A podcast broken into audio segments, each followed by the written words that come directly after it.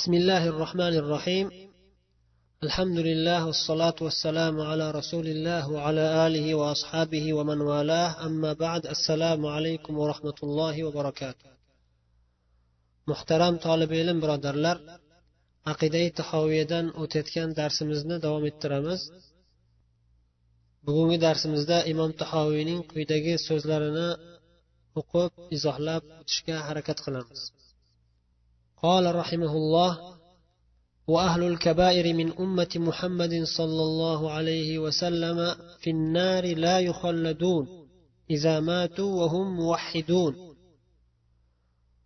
وإن لم يكونوا تائبين بعد أن لقوا الله عارفين مؤمنين.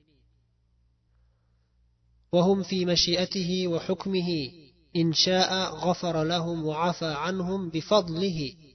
كما ذكر عز وجل في كتابه ويغفر ما دون ذلك لمن يشاء. سورة النساء الآية الثامنة والأربعون.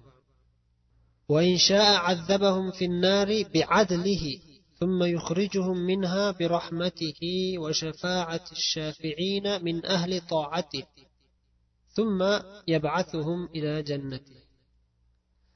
وذلك بأن الله تولى أهل معرفته ولم يجعلهم في الدارين كأهل نكرته. وذلك بأن الله تولى أهل معرفته ولم يجعلهم في الدارين كأهل نكرته الذين خابوا من هدايته ولم ينالوا من ولايته. اللهم يا ولي الإسلام وأهله ثبتنا على الإسلام حتى نلقاك به imom tahoviyning bu yerda zikr qilgan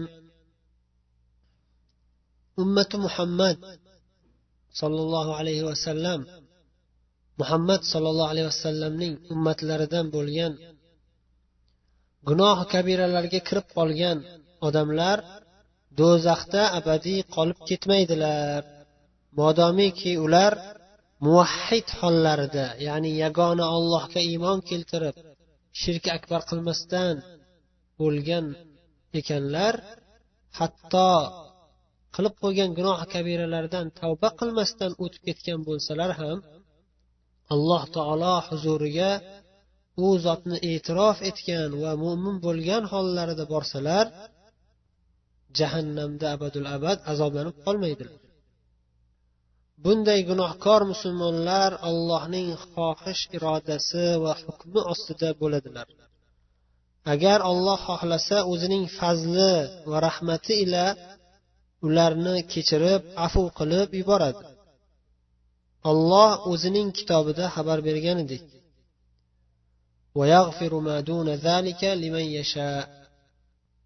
Undan boshqasini ya'ni shirkdan boshqa gunohlarni o'zi xohlagan bandalari uchun kechiradi. Niso surasi qirq sakkizinchi oyat.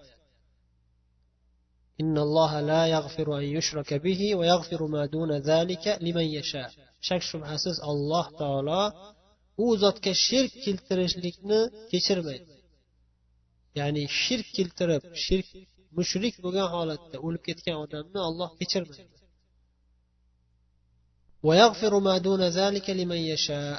Shirkdan kichkina gunohlarni shirkka nisbatan ya'ni kichkina bo'lgan lekin o'zi katta gunoh bo'lsa ham lekin shirkdan kichkinaroq bo'lgan shirkdan boshqa gunohlarni o'zi xohlagan bandasi uchun kechiradi agar alloh taolo o'zining adolatli hukmi bilan hukm chiqarishni iroda qilsa ularni do'zaxda azoblab so'ng o'zining rahmati ila va u zotga toat ibodatli bo'lib o'tgan zotlardan bo'ladigan shafoatchilarning shafoatlari bilan bu gunohkor musulmonlarni do'zaxdan chiqaradi va o'zining jannatiga yuboradi ya'ni jannatiga kirgizadi. Chunki alloh taolo u zotni e'tirof etgan mo'minlarni o'ziga do'st tutgan zotdir.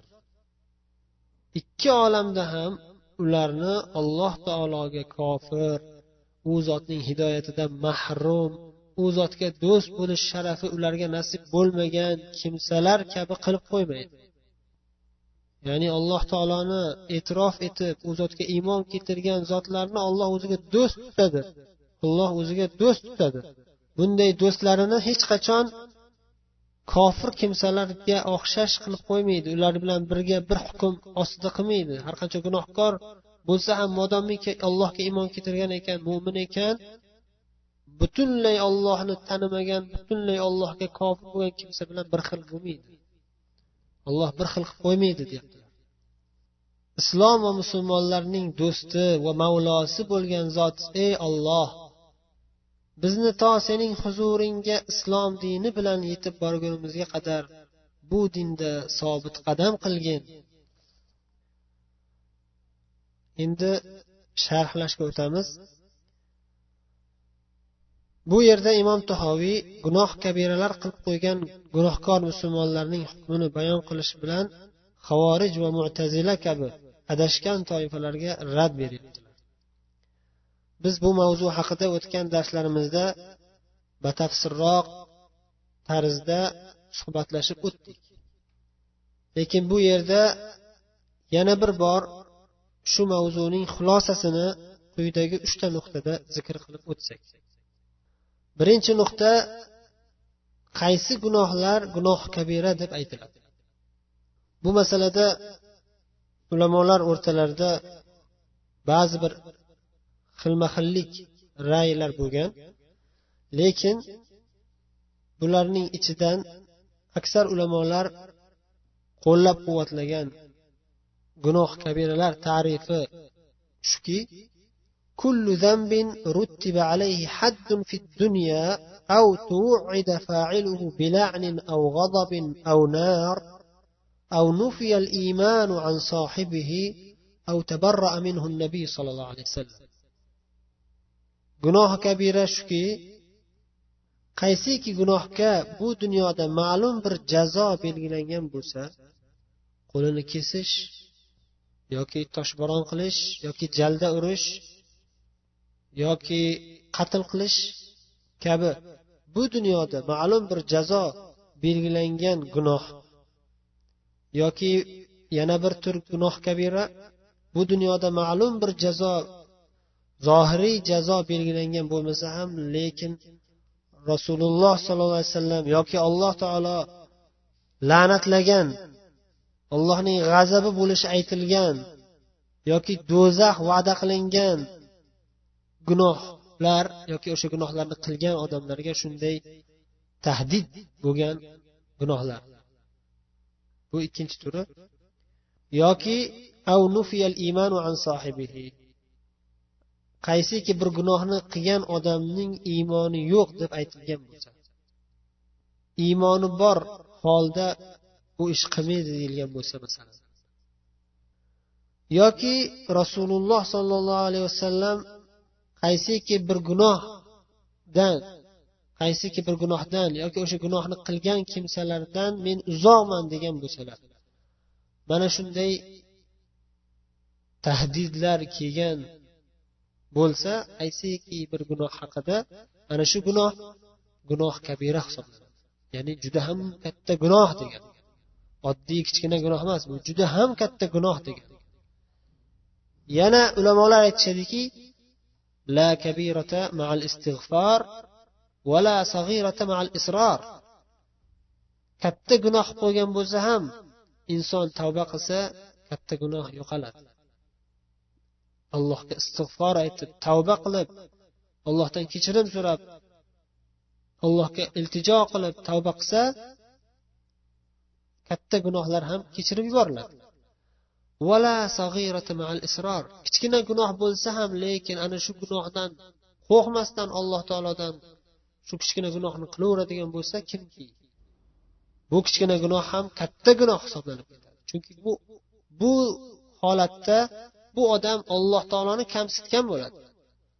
Alloh taoloni e'tiborsiz qilgan bo'ladiki allohga osiylik oddiy holat bo'lib qolib qalbida alloh taologa bo'lgan hurmat yo'qolib juda ham katta gunohga aylanib demak gunoh kabiralar umumiy suratda aytilganda qaysiki bir gunohga xoh bu dunyoda xoh oxiratda bir jazo yoki bir tahdid qo'llangan bo'lsa gunoh kabira hisoblanadi. Eng katta gunoh kabira bu shirk.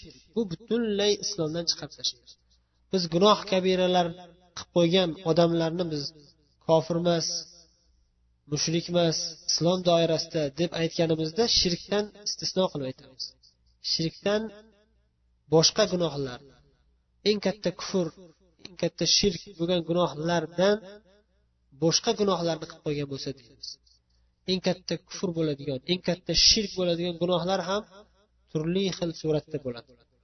Ana shu gunohlardan ba'zilarini o'tgan darslarimizda aytdik yana boshqalarini inshaalloh yana boshqa darslarda batafsilroq bayon qilamiz. Ularni ya'ni butunlay islomdan chiqarib tashlaydigan gunohlarni hammasini bir ism ostida aytiladi. Shirk akbar yoki kufr akbar bo'lgan gunohdir.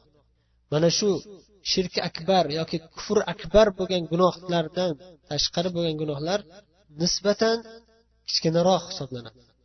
Nisbatan kichkinaroq hisoblanadi chunki u butunlay islomdan chiqarib tashlab butunlay kofir qilib yubormaganligi uchun. Endi ikkinchi nuqta gunoh kabiralar qilib qo'ygan musulmonlarning bu dunyodagi va oxiratdagi hukmi haqida.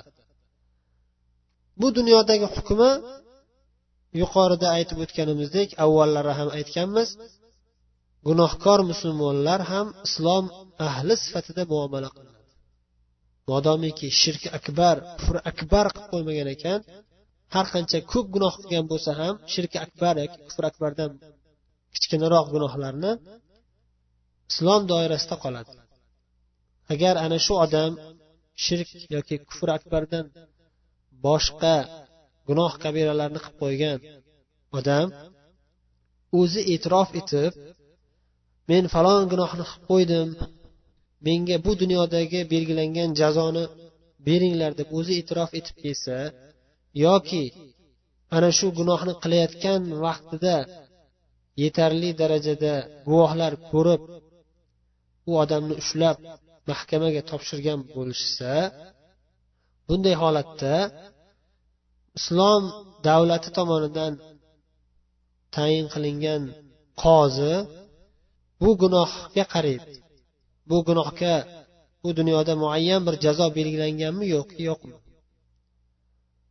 Agar muayyan bir jazo belgilangan gunohni qilgan bo'lsa ana shu musulmon qozi islom davlati tomonidan tayinlangan qozi ana shunga yarasha hukm chiqarib jazolashga haqqi bor. Va bu jazo bu gunohkor insonning ushbu gunohiga kafforat bo'lib qiyomatdagi jazodan uni ozod qiladi demak bu gunoh kabira qilib qo'ygan odamning bu dunyodagi hukmi. Birinchi holati ya'ni o'zi e'tirof etsa yoki qo'lga olinsa yetarli hujjatlar guvohlar bilan qo'lga olinsa bu dunyodagi hukmi musulmon sifatida unga o'ziga yarasha jazosi beriladi. Va bu jazo oxiratdagi jazosidan ozod qiladi endi ikkinchi holati tavba qilgan bo'lsa bu dunyodagi jazo bilan jazolanmagan bo'lsa ham qo'lga olinmagan bo'lsa ham lekin o'zi tavba qilgan bo'lsa o'zi allohga iltijo qilib tavba nasuh qilgan bo'lsa bunday holda ham bu odam bu gunohdan va bu uning qiyomatdagi jazosidan ozod bo'lib qutuladi endi tavba qilmagan bo'lsachi tavba qilmasdan o'lib ketgan bo'lsa oxiratdagi hukmi agar bu dunyoda bu gunohkor chala musulmon bu dunyoda jazolanmasdan tavba ham qilmasdan gunohkor holatida o'lib ketgan bo'lsa qiyomat kuni ollohning ixtiyorida ollohning xohishi irodasi ostida bo'ladiki olloh xohlasa bu insonni uning gunohiga yarasha jazolaydi azoblaydi do'zaxga tashlaydi. Muayyan bir muddatgacha.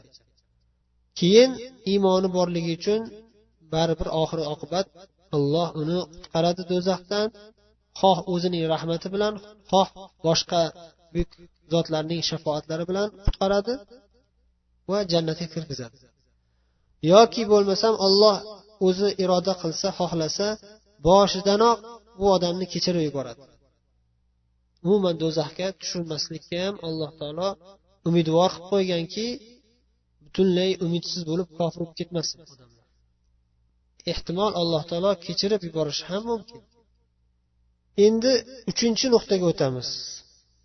Imom tahoviy rahimaulloh ushbu masalani bayon qilganlaridan keyin ya'ni gunoh kabira qilib qo'ygan odam islom doirasida e'tiborga olinib qiyomatda do'zaxda abadiy qolib ketmasligi aniq modomiki iymoni bor ekan qalbida ollohni e'tirof etib iymon keltirgan ekan va shu iymon ustida vafot qilgan ekan tavhid bilan vafot qilgan ekan allohni yagona o'ziga sig'ingan holda shirki akbar kufri akbar bo'lgan gunohlarni qilmagan holida vafot qilgan ekan gunohkor bo'lsa ham fosiq bo'lsa ham bu odam do'zaxda abadul abad qolmaydi. Baribir oxir oqibat jannatga kirgizadi alloh uni. deb bayon qilganlaridan keyin aytdilarki اللهم يا ولي الإسلام وأهله ثبتنا على الإسلام حتى نلقاك islom va musulmonlarning do'sti va mavlosi bo'lgan zot ey olloh bizni to sening huzuringga islom dini bilan yetib borgunimizga qadar bu dinda sobit qadam qilgin deb duo Doimo islomda sobit qadam bo'lib o'lgunga qadar odam musulmon bo'lib yashashini duo qilib so'rash juda ham zarur. Islomda vafot qilishni duo qilib so'rash qadim qadim zamonlardan beri payg'ambarlar va buyuk avliyolarning eng asosiy duolaridan bo'lib kelgan. Alloh taolo olimron surasida qat'iy vasiyat qilib aytadiki ya ayyuhallazina amanu ittaqulloha haqqa tuqati ey iymon keltirgan zotlar ollohdan haqiqiy qo'rqishda qo'rqinglar. Ollohdan haqiqiy taqvo qilishlikda taqvo qilinglar. Vala tamutunna illa va antum muslimun. Va sizlar o'lmanglar magar faqat musulmon bo'lgan holingizda o'lingiz. Faqat musulmon bo'lgan holingizda vafot qilinglar deb alloh taolo o'lgunimizga qadar islomda sobit qadam bo'lishga harakat qilishimizga alloh taolo qat'iy vasiyat qilgan. Musulmon odam doimo alloh taologa islomda sobit qadam qilishini so'rab duo qilib yurishi kerak. Hozir aytganimizdek mana shu duo ya'ni islomda vafot qilishlikni so'rash islom o'lgunga qadar mustahkam musulmon bo'lib yashashni so'rash payg'ambarlarning duolari. Buyuk insonlarning duolari. Yusuf surasida bir yuz birinchi oyatida yusuf alayhissalom duo qilganliklarini olloh xabar berib aytadiki tavaffani musliman va alhiqni bis solihin. Ey olloh meni musulmon holatimda vafot qilgin o'ldirgin va meni solih insonlar solih zotlar bilan birga qilgin jannatda degan ma'noda.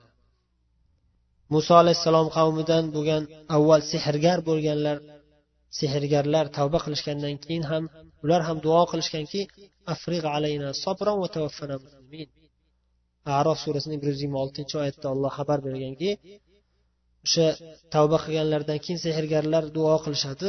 Shu duolarni oxirida alloh taologa iltijo qilishadiki ey olloh bizga o'zing tomoningdan sabr nozil qilgin sabr bergin bizga bizni sabrli qilgin va bizni musulmon holatimizda o'ldirgin. Bizni musulmon holatimizda o'ldirgin. deb duo qilishgan.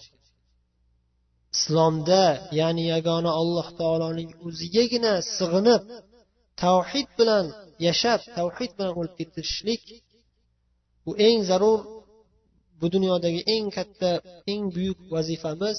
Bu barcha payg'ambarlar mana shu vazifani amalga oshirish uchun yuborilishgan. Shuning uchun biz doimo mana shu duoni lozim tutib yurishimiz zarur. Imom ibn abil iz tahoviyaning sharhida mana shu o'rinda yana bir muhim foydali masalani zikr qilganlar. U ham bo'lsa qur'on hadis va salaf solihlarning so'zlarida sobit bo'lgan shu ma'nodagi duoni ya'ni meni musulmon holimda vafot qilgin bizni islomda sobit qadam qilgin to o'limgacha bizni musulmon holatimizda o'ldirgin degan ma'nolarida kelgan duolarni shu ma'nodagi dalillarni hujjat qilib ba'zilar o'lim tilash joiz deb davo qilishgan. Ya'ni musulmon bo'lib tezroq o'laylik deb tezroq o'lib ketishlikni so'rash joiz deb davo qilishgan lekin ular bu hujjatlarning ma'nosini to'la tushunmaganliklaridan shunday deb o'ylashgan.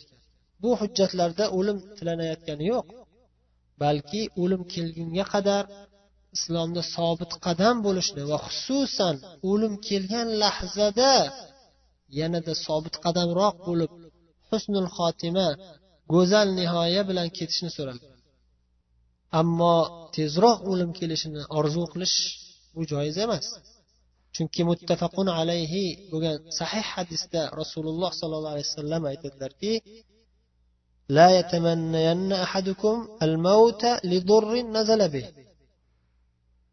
sizlardan hech biringiz boshiga musibat tushgan bo'lsa shundan qutulish uchun o'lim tilamasin dedilar o'lim tilamanglar deb qattiq nasihat qilganlar فإن كان لا بد متمنيا فليقل اللهم أحيني ما كانت الحياة خيرا لي وتوفني إذا كانت الوفاة خيرا agar sabr qilolmasdan o'lim tilagisi kelaverib tezroq o'lishni xohlayveradigan bo'lsa aytsinki ey ollohim bu dunyoda hayot bo'lib yashashim modomiki menga yaxshi ekan meni hayot qilgin. Ya'ni bu dunyoda qachongacha yashashligim menga xayrli bo'lsa meni hayot qilgin. O'sha vaqtgacha men tirik bo'lay. Va meni o'ldirgin agar o'lim vafot menga xayrli bo'ladigan bo'lsa. O'lish vaqtim vafot qilish vaqtim hozir kelishligi menga xayrli afzalroq bo'ladigan bo'lsa hozir meni o'ldirgin degan ma'noga yaqin. Mana shu duoni duo qilsin juda ham o'lgisi kelib ketgan bo'lsa degan ma'noda rasululloh sollallohu alayhi vasallam nasihat degan ma'noda rasululloh sollallohu alayhi vasallam nasihat qilgan. Shuning uchun inson sabrli bo'lishga o'rganishi kerak. Bu hayot imtihon hayot. Bu dunyo hayoti imtihon.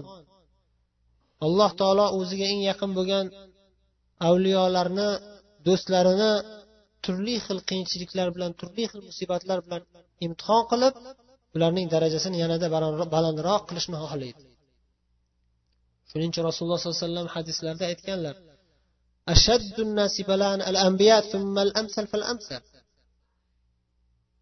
odamlarni ichida boshiga eng og'ir eng qattiq balo musibatlar keladigan zotlar payg'ambarlar so'ngra ularga kim qanchalik yaqin bo'lsa uning boshiga shunchalik musibatlar keladi. Ya'ni buyuk avliyo bo'lish uchun juda ham og'ir musibatlardan a'lo darajada sabrli bo'lib shukur qilib hatto o'tish kerak.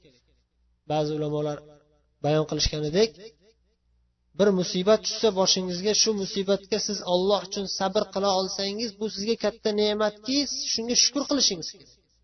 Va shukur qilganingizdan keyin olloh sizni shunga muvaffaq qilganiga yana shukur qilishingiz kerak. Mana shunday ma'nolar bilan yashagan mana shunday tuyg'ular bilan yashagan ulamolarimiz ajdodlarimiz buyuk avliyolar buyuk allomalar og'ir qiyinchiliklar og'ir musibatlar kelsa hatto lazzatlanishardi biz o'tgan ba'zi bir darslarimizda ham bu narsani zikr qilib o'tganmiz.